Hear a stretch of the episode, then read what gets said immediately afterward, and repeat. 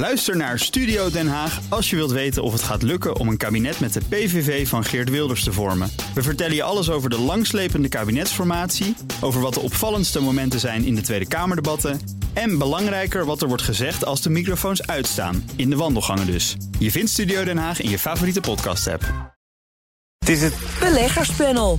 Het is het bestuur van maritiem dienstverlener Boskalis niet gelukt om groot aandeelhouder Hal ervan te overtuigen een hoger overnamebod te doen. Misschien hebben ze het niet eens geprobeerd. En Tesla-topman Elon Musk zegt dat zijn bedrijf genoodzaakt is om een tiende van de medewerkers te ontslaan. Dat en meer bespreek ik in het beleggerspanel. En daarin zitten Wim Zwanenburg van Stroef en Lemberger en Arend Jan Kamp van IEX Media. Welkom heren.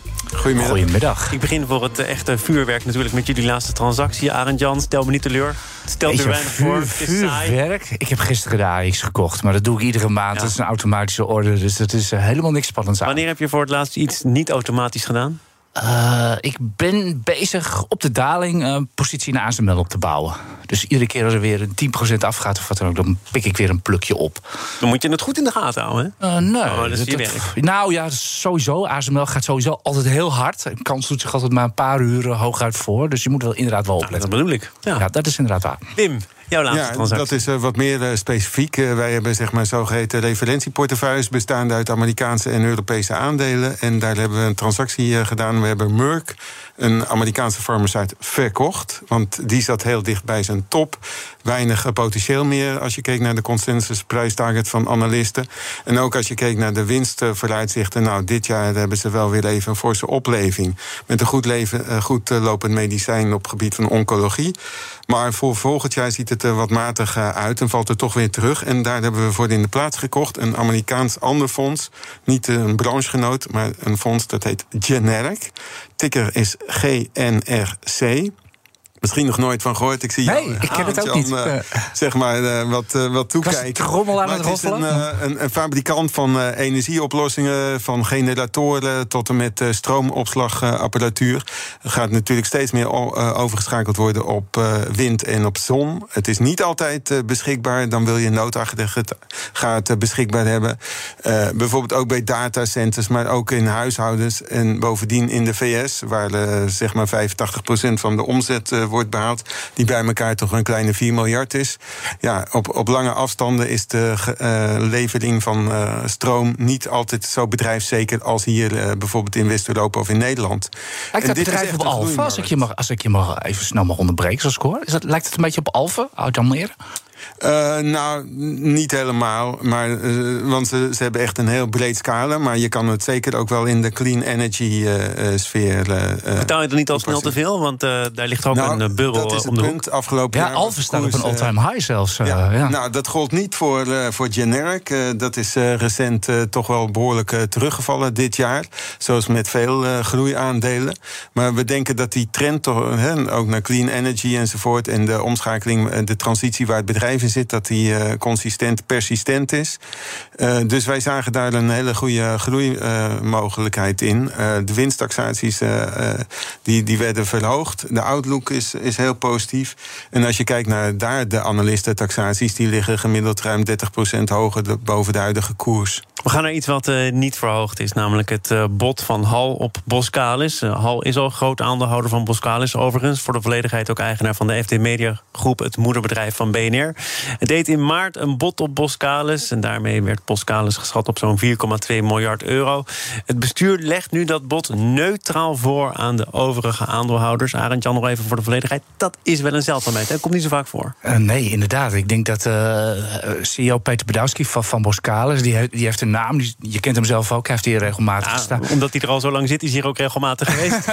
Maar die is zeer uitgesproken en die durft beestjes altijd wel bij zijn naam te noemen. Nou, dit keer niet. Eh, inderdaad, vorige week, na, drie maanden na het bod, kwam eindelijk Boskalis met een eh, advies. En het was, was iets van letterlijk, ja, het was een interessant bod, maar niet uitdagend. Eh, een laffer persbericht heeft de heer Bedowski, denk ik, nog nooit geschreven. Hij kan, denk ik, ook niet anders. Hal heeft al 50% van, eh van Boskalis, 50,48 om precies te zijn. Dus ja, hij schippert eigenlijk al tussen die twee kampen aandeelhouders, als ik ze zo mag noemen. Half wat natuurlijk zo min mogelijk wil betalen. En die andere aandeelhouders die natuurlijk nooit genoeg hebben. En, nou, zo'n andere aandeelhouder, ja, je wist het misschien niet van tevoren, maar het staat hier gewoon in de studio. Ja, ik vind, het, ik vind, het, echt uh, Hollandse glorie, een mooie, mooie maatschappij. Maar helaas met een zeer teleurstellend rendement. Ik heb ook inderdaad nog een heel klein, klein, klein, klein, klein belangetje in dat uh, uh, fonds. Maar goed, als je kijkt de afgelopen tien jaar, heeft het inclusief dividenduitkeringen bruto nog nauwelijks 5% rendement per jaar gemaakt. En dat is eigenlijk wel echt heel teleurstellend. En dat is nog inclusief, zeg maar, die recente koersstijging nadat het bod werd gedaan. En dat was 28% hoger dan de toen geldende koers. hoe, hoe kan dat dan? Want eh, als ik hem ontvang, dan uh, ontvang ik meestal een uh, topman, blakend van zelfvertrouwen. Operationeel ziet het er goed uit. Het ordeboek is goed gevuld. Toonaangevende projecten. Fantastisch. Het ordeboek was nog nooit zo goed gevuld. En als je kijkt is meer waar dan het fonds, ja. Als je kijkt inderdaad naar, naar een aantal trends. Hè. Ze zitten natuurlijk in de offshore, in de havensaanleg. Uh, de, de, aanleg van uh, windparken op zee. Daar zijn ze allemaal bij, bij betrokken bij dat soort uh, projecten. Maar het is toch een beetje, laat ik zeggen, de natte aannemerij. En je neemt projecten aan, je doet biedingen. En dan achteraf blijken de kosten wel eens wat hoger uit te vallen en de marges onder druk te staan. En ja, wat kan HAL ermee doen? Dat is een investeringsmaatschappij. Die kunnen het niet echt toevoegen, niet echt synergie bereiken met zeg maar andere bestaande werkmaatschappijen. Dus wat gaan die doen? Die gaan mogelijk toch zeer in de kosten snijden. En dan loont het niet voor, laat ik zeggen, de top van het bedrijf om daar al te veel tegen te stribbelen. Nou, want dan word je zelf het eerste ook, slachtoffer. Uh, snel in de kosten snijden. Want ik dacht dat vrij veel zaken in ieder geval ook op de korte termijn bij het oude bleven. Uh, ja, dat is maar hoe je het noemt natuurlijk. Uh, ik bedoel, uh, Hal is uh, erg van de doorrekenen tot ver achter de komma. Dat blijkt ook wel, dat blijkt ook wel uit dit bod. En ik, ik, denk dat het heel goed kan. Dat ze, ze zullen niet nalaten om kosten te besparen. Ja, synergie. Ja, als het orderboek nou, al zo goed gevuld is, waar, wat kan je nog meer doen? en ja, om het rendement dan te verhogen, zou je er meer uit moeten persen. Ja, dat betekent onvermijdelijk toch ook wat in de, in de kosten snijden. Hier en daar de franje wegsnijden. Nou, en ja, dat oogt allemaal niet zo uh, plezierig. Dus bij de overname worden dan geruststellende bewoordingen gebruikt. Maar uh, ja, ik kijk een beetje uh, nou ja, met leedwezen toe, eerlijk gezegd. Ja, ik vind ja, heeft natuurlijk wel enorm veel geld hè, door die verkoop van Grand Vision. Het kan zijn dat ze misschien ja. nog een partij in die sector op het oog hebben. Dat of op de beurs wordt ook gefluisterd, ja. misschien willen ze Fugro wel hebben. Hè, een jaar of acht geleden heeft Boskalis al serieus poging gedaan Fugro over te nou, nemen. Topman van Fugro is hier morgen het gast. Ik zal het hem even vragen. Oh, of hij nog contact heeft gehad met Hal toevallig of zo. We horen het graag. weer de slachtoffer. Het is overigens het beste Nederlandse aandeel dit jaar. Dus ik snap wel dat hij wel kan. Nou, dat wil hij meestal wel. Ja, zeker. Ja. Ik snap het ook wel. Nog even, even hoe deze gang van zaken nu uh, verder zal verlopen. Want uh, je moet toch ook wel, dan komen we bij het dossier van vandaag... je moet wel voldoende stukken hebben natuurlijk... om dit, uh, om dit helemaal door te kunnen voeren, toch? Of, of zie ik dat verkeerd? Als er, als, nou, als er mensen zijn die echt niet kunnen leven met het bod... Nee, kijk, het kan zijn dat, je, dat er een restant op de, op de beurs genoteerd blijft... maar dat het een volstrekt illiquide aandeel is... waar verder weinig in, in, in gebeurt als jaarlijkse dividenduitkeringen. En uh, dan mag je nog de, de aandeelhoudersvergadering bezoeken. maar meestal is dat niet zo interessant voor, voor beleggers. Dus die zullen er dan toch waarschijnlijk afscheid van nemen. Ja. En ja, bij een bod, uh, biedingenstrijd, dat is niet aan de orde. Uh, je hoopt er altijd op als er, uh, als er een bod wordt, wordt gedaan. Ik weet een aantal beleggers die er eigenlijk met een zekere opluchting naar die 28% koersstijging afscheid van namen. Dachten van nou, dit is nog, komen we nog goed weg. Maar ja, voor aandeelhouders is het helaas een teleurstellende affaire. Met de actualiteit van vandaag doelde ik op dat andere bedrijf dat okay. van de beurs gehaald zou worden. We komen daar later in het programma nog even op terug. Maar Axel en KKR zijn inmiddels ook nou, ja, met elkaar ook bijna verwikkeld in hoe het nu verder moet. Want aandeelhouders die accepteren dat bod van uh, KKR niet. Nee, maar dat is, wel een groot verschil uh, ja. bij, uh, bij Boskalis. Hè, waar Hal natuurlijk het eigenlijk al voor het zeggen heeft met die, met die ruim 50% En bij Axel heb je natuurlijk als kleine aandeelhouder het voordeel dat je een grote ASR mee hebt. Die verzekeraar die gewoon echt boos is over dat bod. En ze vinden het geen manier van doen, zoals het gegaan is. En ja, daar sta je, daar sta je al een stuk sterker, denk ik. Ik denk inderdaad bij Hal. Die, die, ja, Hal is, is goed in, in twee dingen. Die, hebben, die kunnen heel goed rekenen. En ze hebben eindeloos geduld. En meer geduld dan dat u dat hebt als kleine aandeelhouder. Dus Ik denk, als, als, ik denk als uh, er zijn, ik weet niet hoeveel sommen uitgekomen van wat, wat, wat Boskalis nou waard is. In het persbericht werd geschermd precies met het overnamebod, uiteraard. Er zijn ook sommen voorbij gekomen van ABN AMRO van, van ik meen zelfs 48 euro. Aantal op 38. Nou, die gaat u echt niet krijgen. Dat gaat Hal echt never nooit betalen. Ik denk dat u blij mag zijn als u die twee kwartjes uh, dividend terugkrijgt die er net uit zijn gegaan. Arend-Jan Richtgever, direct tot de luisteraar in de van... Uh, nee, dat mag van Boskalis. Okay. We gaan naar het tweede deel van dit panel. BNR Nieuwsradio. Zaken doen. Thomas van Zeil. De gast is het beleggerspanel Wim Zwanenburg, Arend Jan Kamp. En ons onderwerp van gesprek is Elon Musk. De Tesla-topman zegt genoodzaakt te zijn om een tiende van de medewerkers te ontslaan. Blijkt uit een interne mail die ook is ingezien door Reuters, het persbureau. En de aanleiding van die aangekondigde ontslagronde is het super slecht gevoel dat Elon Musk heeft over de economie. A very bad feeling. De vertaling is correct, eh, Wim. Um, ja, heeft dit vooral met het sentiment te maken of speelt het toch onder de motorkap van Tesla iets anders? Nou, hij is natuurlijk niet de eerste, de beste. En hij heeft inderdaad wel, uh, hij voelt de polslag van de wereldeconomie uh, met vele maatschappijen waar hij actief is, natuurlijk Tesla en ook in de ruimtevaart. Maar goed, ik denk dat het echt wel sentimenteel is. Eh, maar hij is niet de enige. We zagen vorige week ook uh, Jamie Dimon van JP Morgan bijvoorbeeld. En andere CEO's die, uh, die waarschuwden. Maar we zitten in een hele moeilijke fase. veel CEO's die voelen zich nu op glad ijs. Hè. We zitten nog steeds eigenlijk in de hersteltijd na de coronaperiode. We hebben nog allerlei disrupties van, van onderdelen. Dus men voelt zich gewoon onzeker. Maar voor het merendeel van de ondernemingen, het beursgenoteerde ondernemingen, is het ordeboek, dat hadden we net ook even bij Boskalis, maar ook bij tal van andere maatschappijen, grote big tech enzovoort, is het ordeboek gewoon heel goed gevuld. We zitten in een transitiefase. en om op dit moment personeel te gaan ontslaan, nou met die krappe arbeidsmarkt, je bent ze zo kwijt, inderdaad. Wat zou jij denken? Wat zou jij Elon Musk adviseren? Toch zijn gevoel volgen? Of, of eh, denken, wat Wim zegt, de lange termijn, je moet die mensen eigenlijk aan boord houden? Uh, Elon Musk moet vooral zijn gevoel volgen, maar een bedrijf kan je alleen maar besturen door niet van je gevoel, maar van harde cijfers uit te gaan.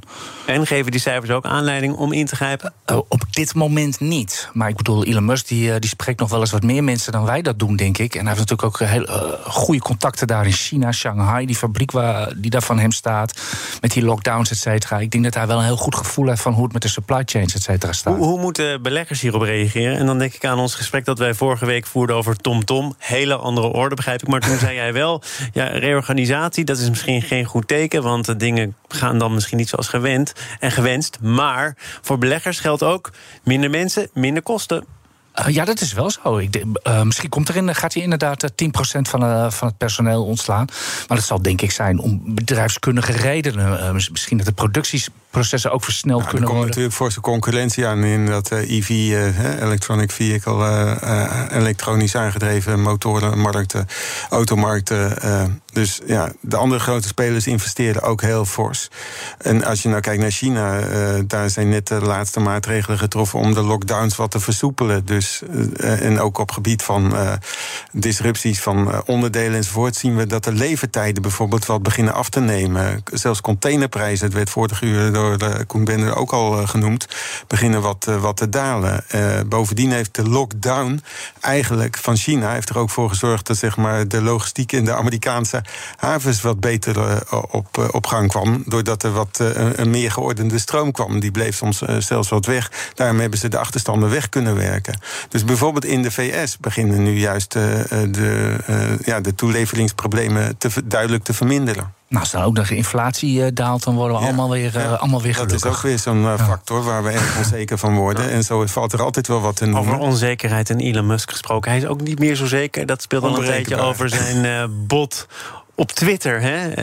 het laatste nieuws is toch dat hij op ramkoers ligt om dat bot misschien wel helemaal in te trekken. En daarvan af te zien, omdat hij onvoldoende informatie krijgt om zijn eigen onderzoek te verrichten. Is dat nou een uitweg om in ieder geval heel veel minder te gaan betalen? Uh, dat, dat denk ik uh, altijd. Hij wil, zal sowieso wel graag een lage bot willen. Dus voor wat voor Twitter onbespreekbaar is. En gelijk hebben ze. Maar, een lage bot is onbespreekbaar, maar het bot van Elon Musk komt ver uit boven de huidige waarde van. Ja, ja, ja, nou ja, goed. er was ook een andere omstandigheid toen, toen hij bouwt. En dan, moet hij dan, maar, dan moet hij dan maar mee zien te dealen. Dat is, dat is, dat is zijn probleem. Nee, Tesla is zelf ook gehalveerd. En daar, daar wordt Musk natuurlijk zelf ook gewoon zenuwachtig van. En, nee, omdat hij dat als onderpand deels heeft ingezet. Precies. Ja, maar andere teruggekomen, toch? Ja, maar nou, het maakt onderdeel uit van het totale pakket. Maar er worden ook brugleningen uh, en hefboomleningen enzovoort door de Amerikaanse zakenbank uh, geboden. En, die, en daar heeft Elon Musk ook uh, gesprekken mee. Misschien is hij daar juist nerveus van, van geworden. Ja, of hij krijgt vervelende WhatsAppjes van de andere investeerders die met hem meegaan. en het is hij heeft ook nog wel wat met de toezichthouders te doen. Het is een dus, game, dus hij probeert juridisch onderuit te komen door te verwijten dat zeg maar, Twitter geen openheid van zaken geeft over bijvoorbeeld het aantal nep-accounts. Twitter stelt daar dan tegen dat ze volledig willen meewerken. Dat is trouwens ook heel moeilijk. Hij is inmiddels toegelaten tot de Raad van Commissarissen. Die zou je dan ook nog aan boord krijgen. Ja, uh, maar, maar, maar, het is nooit saai met hem in ieder geval. Arend Jan zegt uh, heel goed dat Twitter zijn poot stijf houdt, lager bot. Nou, misschien ooit, maar toch zeker niet op korte termijn. Denk jij dat het toch wat flexibeler is dan dat? Nou, ik denk dat de lage bod ook, uh, ook voor, de, voor de board van uh, Twitter niet, uh, niet acceptabel is. maar ja, ook, ook, Twitter is heel volatiel. de vraag is natuurlijk van, komen de nieuwe factoren? daar moet ik zeggen dat Elon Musk wel degelijk een positieve bijdrage kan leveren met zijn ideeënkracht. het aantal abonnementen verhogen, specifieke dienstverlening aan bedrijven. bedrijven die met artificial intelligence, met Twitter-accounts en, en nadere analyse eh, zeg maar target marketing beter op orde kunnen brengen. Daar zou zeker voor, uh, voor Twitter nog wel een uh, fors potentieel liggen. Ik denk, dat, ik denk, dat, alleen zijn naam al een premie met zich meebrengt. Ook dat. Ja. We gaan naar iets dat voortdurend omhoog lijkt te gaan. Dus niet omlaag. Maar de olieprijs. De OPEC-landen hebben vorige week besloten hun productie sneller op te voeren dan was voorzien. In plaats van een verhoging vanaf september draaien de olielanden vanaf volgende maand de kraan al verder open. De krapte op de oliemarkt wordt er nauwelijks mee verlicht. Althans, dat is de eerste analyse. Aangezien het er dan uitziet dat de Russische uitvoer sneller zal gaan krimpen. En dan moeten we ook nog zeggen dat dat al eerder is gebleken. Hè, die verhoging, die al beloofde verhoging, die kan ook niet altijd worden waargemaakt. Omdat landen nu eenmaal al aan de maximumcapaciteit zitten. Te maken hebben met productieproblemen. Dus wat is deze toezegging van de OPEC-landen waard, denk jij? Uh, dat, uh, dat gaan we wel, uh, wel aan de prijs zien, denk ik. Op dit moment is het grote probleem... iedereen die tankt, die schrikt zich helemaal wezenloos. Het grote probleem, inderdaad, die olieprijs stijgt weer... maar ook de dollar is heel sterk. En dus, dus dat heet dan een mooi oldschool beursjargon... dat heet een double whammy, waar je dan in zit. Ja, die is mooi. en, nou, voor de ja. mensen die het jargon nog niet zo heel erg in huis hebben... in een in double whammy, dan zit je gewoon echt aan beide kanten verkeerd. Ja, ja, je wordt gewoon aan twee kanten gemangeld door die dollar en die, en die olieprijs. Weet je, als er, als er iets ingewikkeld is in, in, op de markt, dan is het wel, is het wel, de, wel de olieprijs. Ja, als, er ergens, als er ergens. Jullie met z'n twee uitgenodigd. Als er, als er ergens uh, vragende aanbod, uh, regeringspolitiek, intriges, uh, et cetera, van invloed is op de prijs, is het, wel, is het wel de oliemarkt.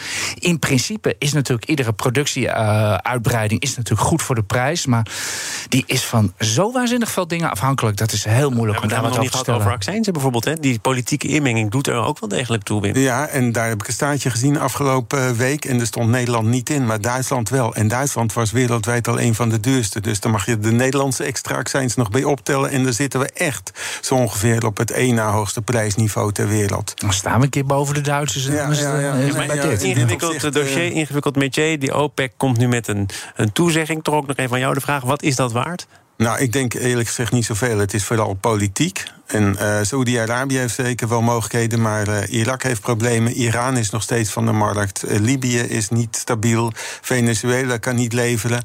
En nou ja, Rusland gaat van de markt. Hoewel die natuurlijk wel onderlands deals trachten te sluiten met China en India. Dus dat verlicht de druk van de wereldmarkt wel. En voor de belegger, wat moet je nu in de gaten nou, houden? Als je kijkt naar de termijnkoersen van, van, van olie, dan is dit hoge prijspeil niet echt handhaafbaar. Maar vanmorgen kwam er weer een rapport uit van bijvoorbeeld een analist van Goldman Sachs. En die voorspelde toch een prijs van uh, uh, per vat van de West Texas Intermediate. Moet je even kijken, het staat op dit moment zo rond 118 van 135 binnen een paar maanden.